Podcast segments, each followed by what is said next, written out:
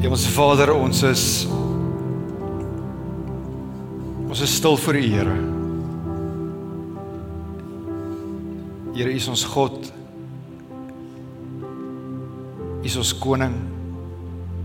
En Here, U is die een voor wie ons buig. Here, almal van ons, elke kind wat hier is, elke jong mens, elke volwassene, elke senior burger. Here, ons leef voor U aangesig. Ons lewe is 'n oop boek voor U. Here, ek wil bid dat U ons sal kom ontmoet presies waar ons is. Here, waar ons vandag oor oor lyding gesels, ons gesels oor oor trauma, oor die moeilike goed in die lewe. Here in die grootheid, kom maak ons harte oop. Here kom maak ons verstand oop. Here mag ons vandag hoor wat ons moet hoor. Here ons gaan werk met dit wat in die evangelies en die Nuwe Testament en die Ou Testament staan. Here kom kom kom doen met u woord wat ons nie kan doen nie. Here kom skenk u gees aan ons sodat dit wat ons in die Bybel lees ook vir ons nuwe lewegewende woorde is. Kom raak ons aan, Here. Bring vir ons 'n boodskap vir 2024. Amen. Julle ons vandag begin met 'n nuwe reeks en die reeks se naam is Vasgeval. En vandag se boodskap gaan oor lyding. Dit gaan oor suffering, dit gaan oor swaar kry. So die vraag van vandag is as jy as jy dink aan die moeilikste, as jy dink aan die tafste goed in jou lewe, hoe kan lyding jou in beweging bring? Hoe kan ons maak, wat kan ons doen sodat lyding nie die laaste sê in jou lewe het nie? Baie keer ons ontmoet ons mense, mense by die werk, mense by die skool en jy hoor hulle is deur diep trauma en jy hoor hulle is deur hierdie trauma al vir, vir dit het nou al lank lank terug gebeur. Dis dis nou al 10 of 20 jaar verby en jy kom agter maar hierdie ding wat gebeur het, het 'n groter effek op hulle lewe as wat dit moet hê. So die vraag van vandag, hoe kan lyding my in beweging bring? So as ek vandag praat van lyding, het ek aan 'n paar paar goed gedink. Ek dink aan Soveel van ons wat al geliefdes gewoon moes begrawe. Soveel van ons moes al afskeid neem van mense vir wie ons regtig baie baie lief is. Ek dink aan die van ons wie se wie se harte al gebreek is. Jy moet nou nie jou hande opsteek nie, maar knip net vir my oog as 'n meisie jou al gebed het. Dis dis 'n dis 'n vreeslike ding. Die van julle wat volwassenes wat volwassenes is, toe ons jonk was, het ons soveel drome, ons het soveel ideale vir ons lewe gehad en toe gebeur die lewe. En jy jy sit hier in 2024 en jy weet jou drome, jou ideale gaan nooit realiseer nie. Ek dink aan teleurstellings. Ek dink aan soveel van ons wie se wie se huwelike nie uitgewerk het nie. Wie se verhoudingslewe net nie net nie in gang wil kom nie. Ek dink aan soveel mense wat suk wat wat sukkel met siekte. So wanneer ek praat oor oor lyding, praat ek oor hierdie goed. So die vraag weer is, hoe kan hoe kan lyding my in beweging bring? Wat ek vanaand op die tafel wil sit is 'n uitnodiging. Ek wil julle uitnooi om deel te neem aan van die hoofmomente van Jesus Christus se lewe. As jy vir bykans enige Christen op aarde vra, wat is die wat is die belangrikste moment in Jesus Christus se lewe? Sal mense maak nie saak op watter kontinent hulle is nie, sal hulle onmiddellik begin praat van Jesus se kruisiging, hulle sal praat van Jesus Christus se opstanding.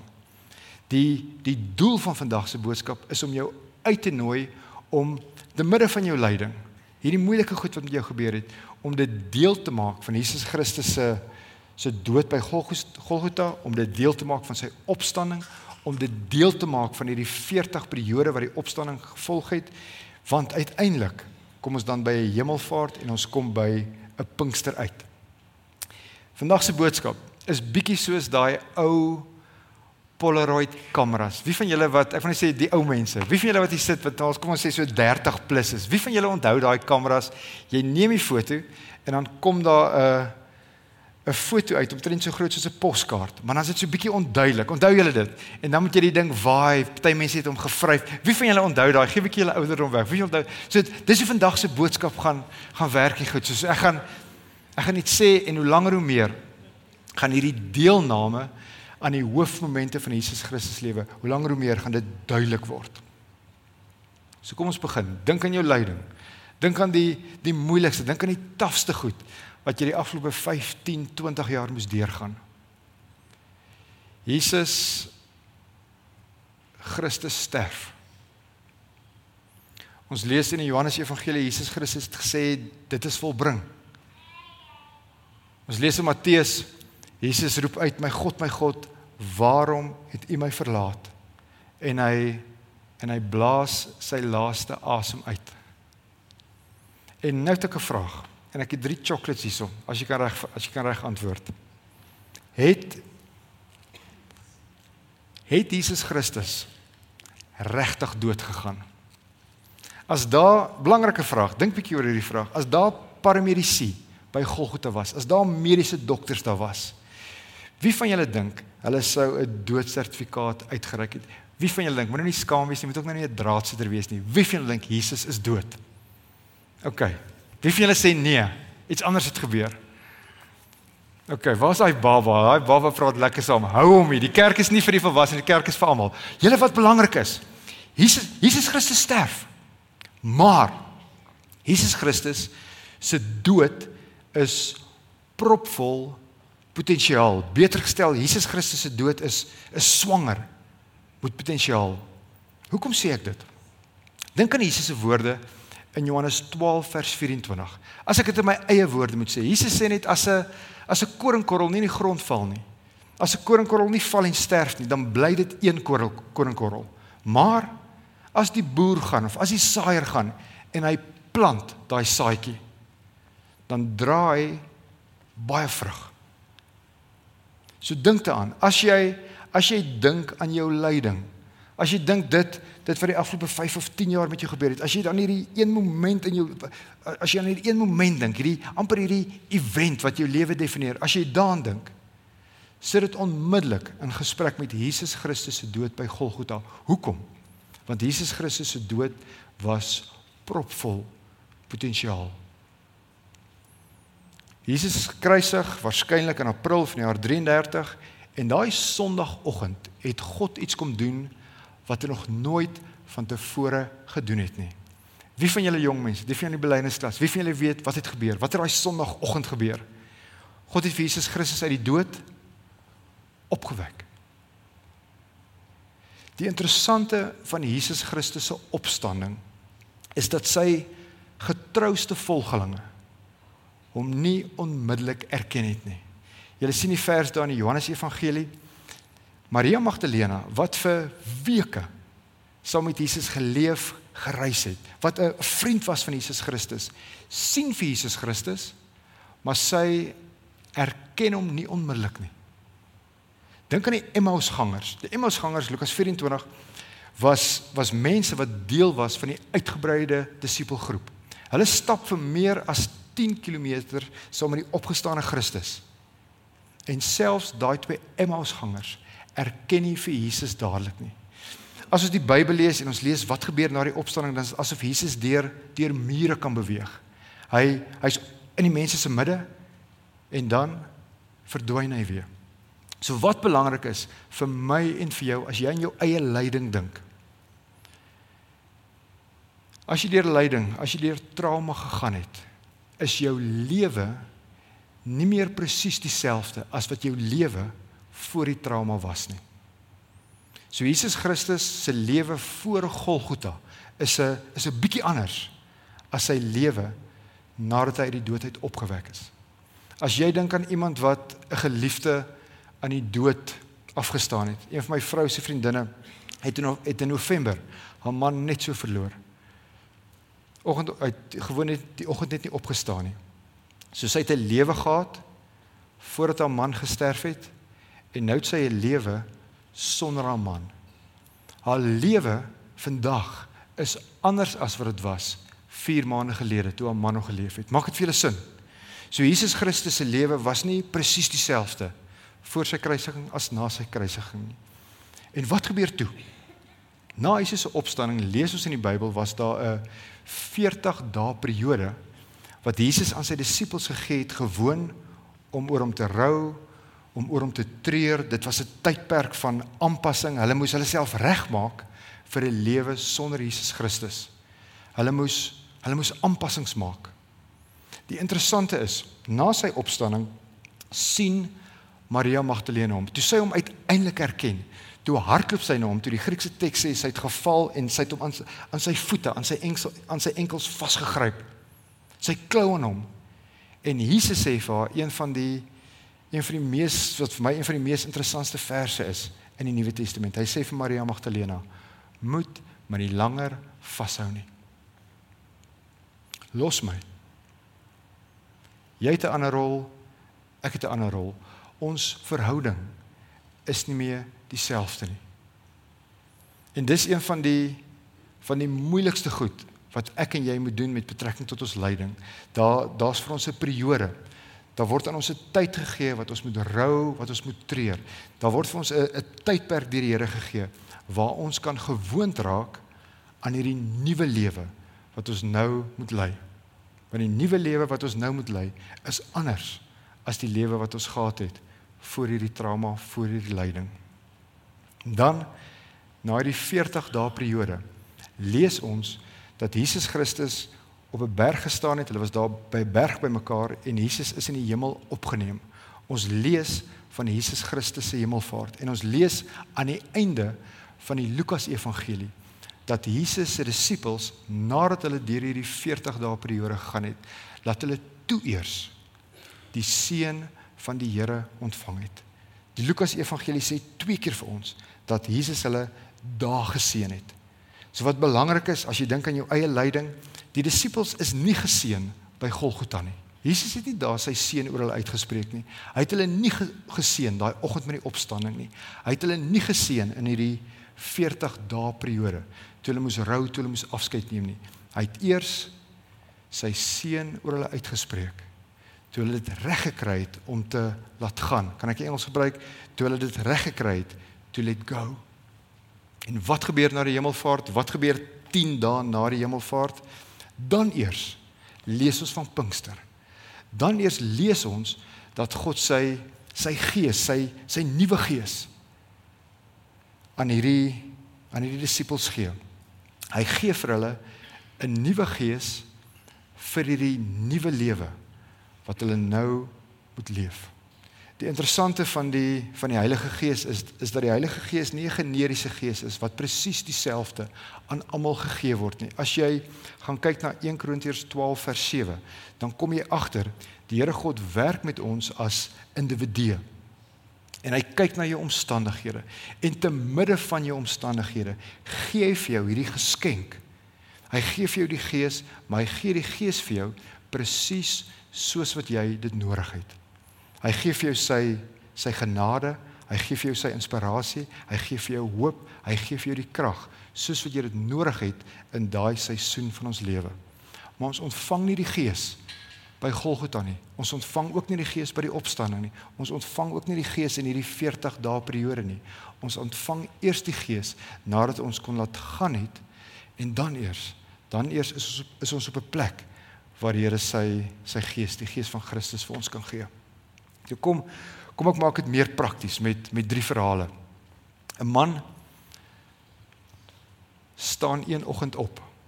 Hy kyk op die kalender en hy sien dis sy verjaarsdag. Hy word 72.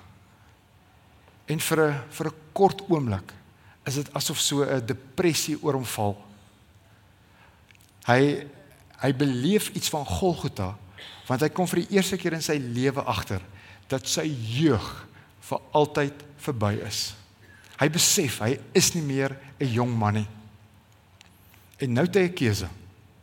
Hy kan vir die res van sy lewe kan hy 'n grumpy old man wees. Hy kan so 'n bitterballie deur die lewe gaan. Of Of hy kan besluit om deel te neem aan die Jesus lewe. Hy kan besluit om deel te neem aan hierdie Paasfees gebeure. Hy kan besluit hy gaan rou en hy gaan treur en hy gaan hierdie pad stap. Hy gaan rou en treur oor sy jeug wat vir altyd verby is. Hoekom? Sodat hy dit op 'n stadium kan laat gaan en sodat hy op 'n stadium God se gees kan ontvang vir iemand van 72. Want jou lewe op 72 is heeltemal anders as jou lewe op 22. Die of van die gelukkigste mense op hierdie aarde is mense van 72. Van die ongelukkigste mense op hierdie aarde is 72. Die vraag is nie hoeveel botox jy gespuit het nie, die vraag is nie hoe fiks is jy nie. Die vraag is kon jy jou jeug laat gaan? Kon jy kon jy 'n hemelvaart laat plaasvind en kon jy God se gees ontvang te midde van jou omstandighede? Die tweede verhaal wat wat ons iets vertel van hierdie deelname aan die hoofmomente van Jesus Christus se lewe. 'n Jong man het 'n pa gehad wat op sterwe gelê het. Hy was baie baie lief vir sy pa. Hy het hy het 'n nou verhouding deur die loop van sy lewe met sy pa gehad. Hy het begin werk, sy pa lê in ICU, hy's vol pyp, hy kan nie meer kommunikeer nie en dis die einde. Maar sy maar sy pa leef nog. En elke dag elke dag as hy klaar gewerk het, gaan sit hy daar in die ICU. En op 'n stadium kon hierdie kon hierdie jong man dit net nie meer vat nie. En hy sê vir sy pa, pa Engels, Engelse storie. Hy sê vir hom, "Dad, trust God. Let go. Die." En hy hy stuur as dwaar sy pa in die dood in. Wat gebeur in hierdie jong man se lewe? Hy beleef iets van Golgotha. Want hy was baie lief vir sy pa. So hy hy daai pyn, maar hy leef nog. As hy in die spieël kyk, sien hy 'n jong man. Hy sien 'n man wie se lewe nog voor hom lê. So hy moet sy hy moet sy lewe claim. Hy moet erken dat hy nog nie in die graf is nie. En wat moet hy doen? Nou moet hy deur 'n 40 dae periode gaan. En dit is nie 'n letterlike 40 dae nie. Dis gewoon net 'n simboliese simboliese iets wat die Bybel vir ons gee. Hy moet deur 'n periode gaan waar hy kan rou, waar hy kan treur, waar hy gewo waar hy gewoon net kan afskeid neem van sy pa. Want hy leef nou 'n nuwe lewe. Sy lewe toe sy pa nog geleef het is anders as wat sy lewe nou is. En as hy kan rou, as hy kan treur, gaan hy by 'n plek kan kom waar hy sy pa kan laat gaan. En as hy by hierdie by hierdie hemelvaart moment uitkom, dan sy op 'n plek waar die Here sy gees vir hom kan gee vir die omstandighede waarbinne hy hom bevind. Hy kan sy nuwe gees vir hom gee vir hierdie nuwe lewe wat hy moet leef. Van van al hierdie momente is hierdie 40 dae rouperiode waarskynlik die moeilikste vir ons om te leef. Die die dood gebeur, die traumas gebeur. Julle gaan teleurgesteld word. Almal van ons harte gaan dalk iewers in ons lewe gebreek word. Moeilike goed gaan gebeur. Ons gaan na 'n klomp begrafnisse toe gaan. So ons beleef Golgotha. Dis nie 'n issue nie. Dit kom. In 1 Korintiërs 15 sê Paulus die dood bedreig hom elke dag. So dis 'n gegewe. Ons uitdaging is om te erken dat ons nog steeds in hierdie lewe is al het lyding met ons gebeur. En dis iets wat koning Dawid goed kon doen. Koning Dawid het op 'n stadium oorspel gepleeg met Batsheba. Hy het haar swanger gemaak en dit was uit die aard van saak teen die wil van die Here en die Here kom en daai kind word baie siek. Daai kind lê op sterwe. En wat doen Dawid? Dawid doen wat die mense in daai tyd gedoen het. Hy trek vir hom rouklere aan. Hy sit letterlik in sak en as. Hy soek die teenwoordigheid van die Here op. Hy gaan na die tabernakel toe. Hy bid en hy pleit en hy bid en hy pleit want hy dink, miskien Miskien gaan die genadige God hierdie hierdie baba seentjie se lewe spaar. Wie van julle weet wat het met daai kind gebeur? Hierdie kind bly leef of het die kind gesterf? Kind sterf. Kind gaan dood. En Dawid staan op. Hy trek sy rouklere uit. Hy gaan stort skeer borsel sy tande, sit vir hom daai tyd seker loon aan en hy gaan na sy vrou toe en hy gaan slaap saam met haar. Hy maak haar swanger. En sy vriende check hom so. En hulle verstaan nie lekker wat hier gebeur nie. Hulle sê vir hom Dawid, toe jou toe jou kind nog geleef het, koning Dawid toe u kind nog geleef het, toe het hy gerou, toe het hy getreur. Maar toe sterf die kind en nou gaan hy aan met die lewe. En Dawid sê vir hulle iets wat mens as volg kan interpreteer. Hy sê vir hulle ja. Toe toe die kind nog geleef het, het ek gedink daar's daar's dalk 'n kans dat God hom gaan spaar. Maar die oomblik toe die kind gesterf het, toe moes ek aangaan met my lewe. Want daai kind kan nie meer na my toe kom nie. Ek gaan eendag na hom toe gaan, maar daai kind kan nie na my toe kom nie. Ek moet voortgaan om lewe te genereer. Want ek is nog vir 'n kort tyd op hierdie aarde. So Dawid, Dawid het besef, hy het geweet wat dit is om sy lewe te claim al was daar geweldige trauma. En as ons dit kan doen, dan gaan ons in hierdie rouperiode in, dan gaan ons in hierdie treurperiode in. En dis vir ons moeilik. Dis veral moeilik vir die mans. Wie van die mans wat hier sit, wie van die seuns wat hier sit, het 'n pa gehad wat al 'n paar keer vir hom gesê het, "Cowboys don't cry." Ken julle dit? My pa het altyd vir my gesê, "Byt op jou tande." En as hy dit vir my gesê het, as ek wou huil, as ek my knie geseer gemaak het of wat ook al, dan het hy vir my, hy het homself so in die rede geval, dat hy vir my gesê, "Oupa het altyd dieselfde vir my gesê." Maar ons moet leer in hierdie om om in hierdie rouperiode in te gaan. Want as ons dit doen, kom ons by 'n plek waar ons God se seën kan ontvang vir ons nuwe lewe. En as ons God se seën ontvang het vir 'n nuwe lewe, kan God ons sy nuwe gees gee. Daar's 'n daar's 'n verhaal in die Ou Testament in Rigters 11 wat vir ons iets vertel van hierdie 40 dae rouperiode. Dit is eintlik 'n verskriklike verhaal. Die leier op daai stadium is 'n man met die naam Jefta. Hy's een van die rigters. En Jefta is in 'n oorlog en hy kom agter hulle is besig om hierdie fight te verloor. En hy maak 'n gelofte met die Here. Hy sê vir die Here: "Here, as as U ons help, as ons hierdie oorlog kan wen, dan sal ek die eerste persoon wat by my huis uitkom as 'n brandoffer offer." En hulle wen die oorlog. En hy gaan na sy huis toe. En daar daar hardloop 'n persoon uit die huis uit. Wie van julle onthou wie was dit? Dit was sy. Dit was sy dogter. En hy hy sê vir die dogter vir my vertel van van die gelofte wat hy afgelê het. En dit is amper asof hy 'n loophole soek. Hy soek so 'n skuiwergat om uit hierdie ding uit te kom. En sy sê vir hom, "Aa. Uh -uh. Pa het 'n gelofte aan die Here afgelê. Pa moet pa moet my offer. Pa moet doen wat u beloof het. Maar ek wil vir vir 60 dae, ek wil vir 2 maande in die wildernis ingaan. Ek wil saam met my vriendinne in die berge ingaan. Hoekom?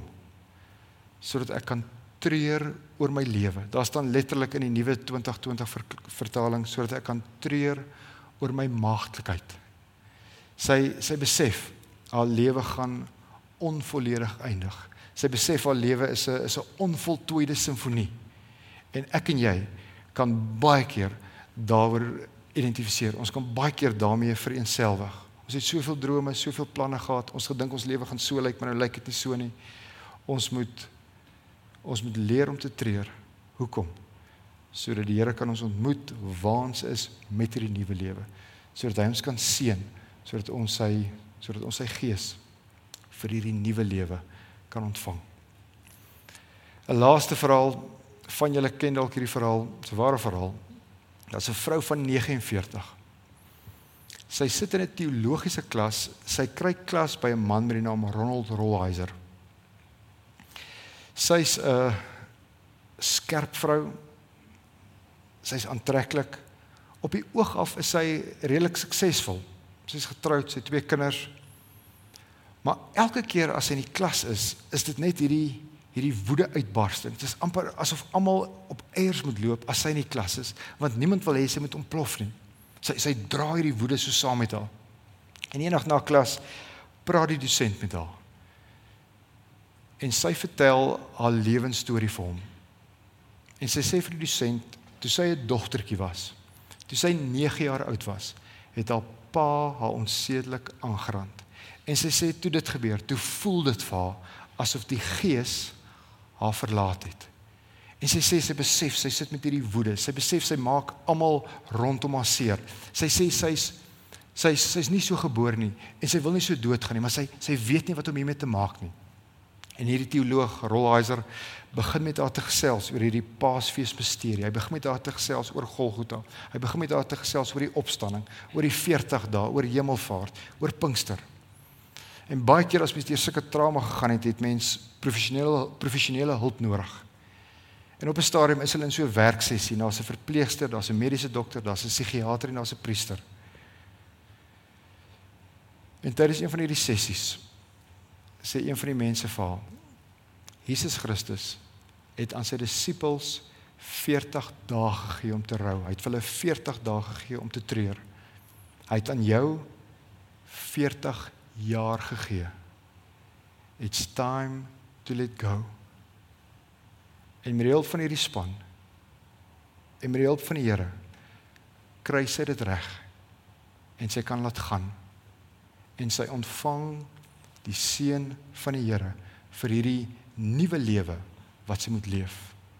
Want jou lewe is nie meer dieselfde nie as die lewe wat jy gehad het voordat jou pa iets aan jou aangedoen het. En sy kom op 'n plek waar sy God se nuwe gees kan ontvang vir haar nuwe lewe. So kerk sonder mure, as jy dink aan jou lyding, as jy die vraag vra hoe hoe kan my lyding my in beweging bring? Sal ek voorstel neem deel aan Jesus Christus se kruisiging, aan sy opstanding, aan die 40 dae, aan die hemelvaart, aan Pinkster. Amen. Ons Here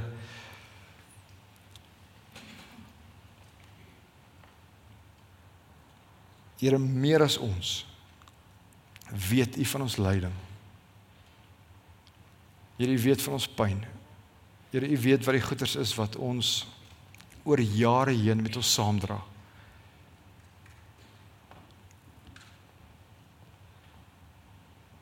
Here U weet baie van ons dra trauma en lyding langer met ons saam as wat ons dit hoef te dra. Here U weet baie van ons sukkel om hierdie nuwe lewe wat ons leef te leef. Here, U weet hoe moeilik dit vir ons is om te rou. U weet hoe moeilik dit vir ons is om te treur.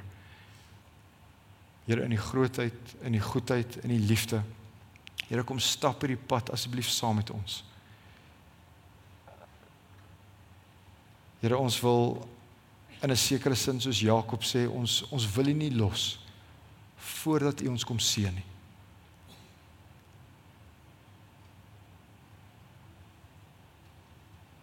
Here ek wil bid dat U elke kind, elke jong mens, elke volwassene, dat U sal kom en dat U ons sal kom kom vul met die Heilige Gees.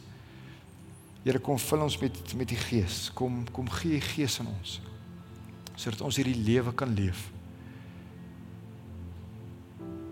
Here waar ons hierdie week ingaan. Waar baie van ons reeds stres oor die akademie. Waar ons wonder oor ons kinders. Here waar ons al soveel uitdagings gekry het in die, in Januarie. Here kom. Kom in die grootheid, Here. En kom lei ons soos die goeie herder waarvan ons lees in Psalm 23. Ons maak staat op U en ons weet, Here, dat U hierdie week ook vir ons sal uitgaan. Amen.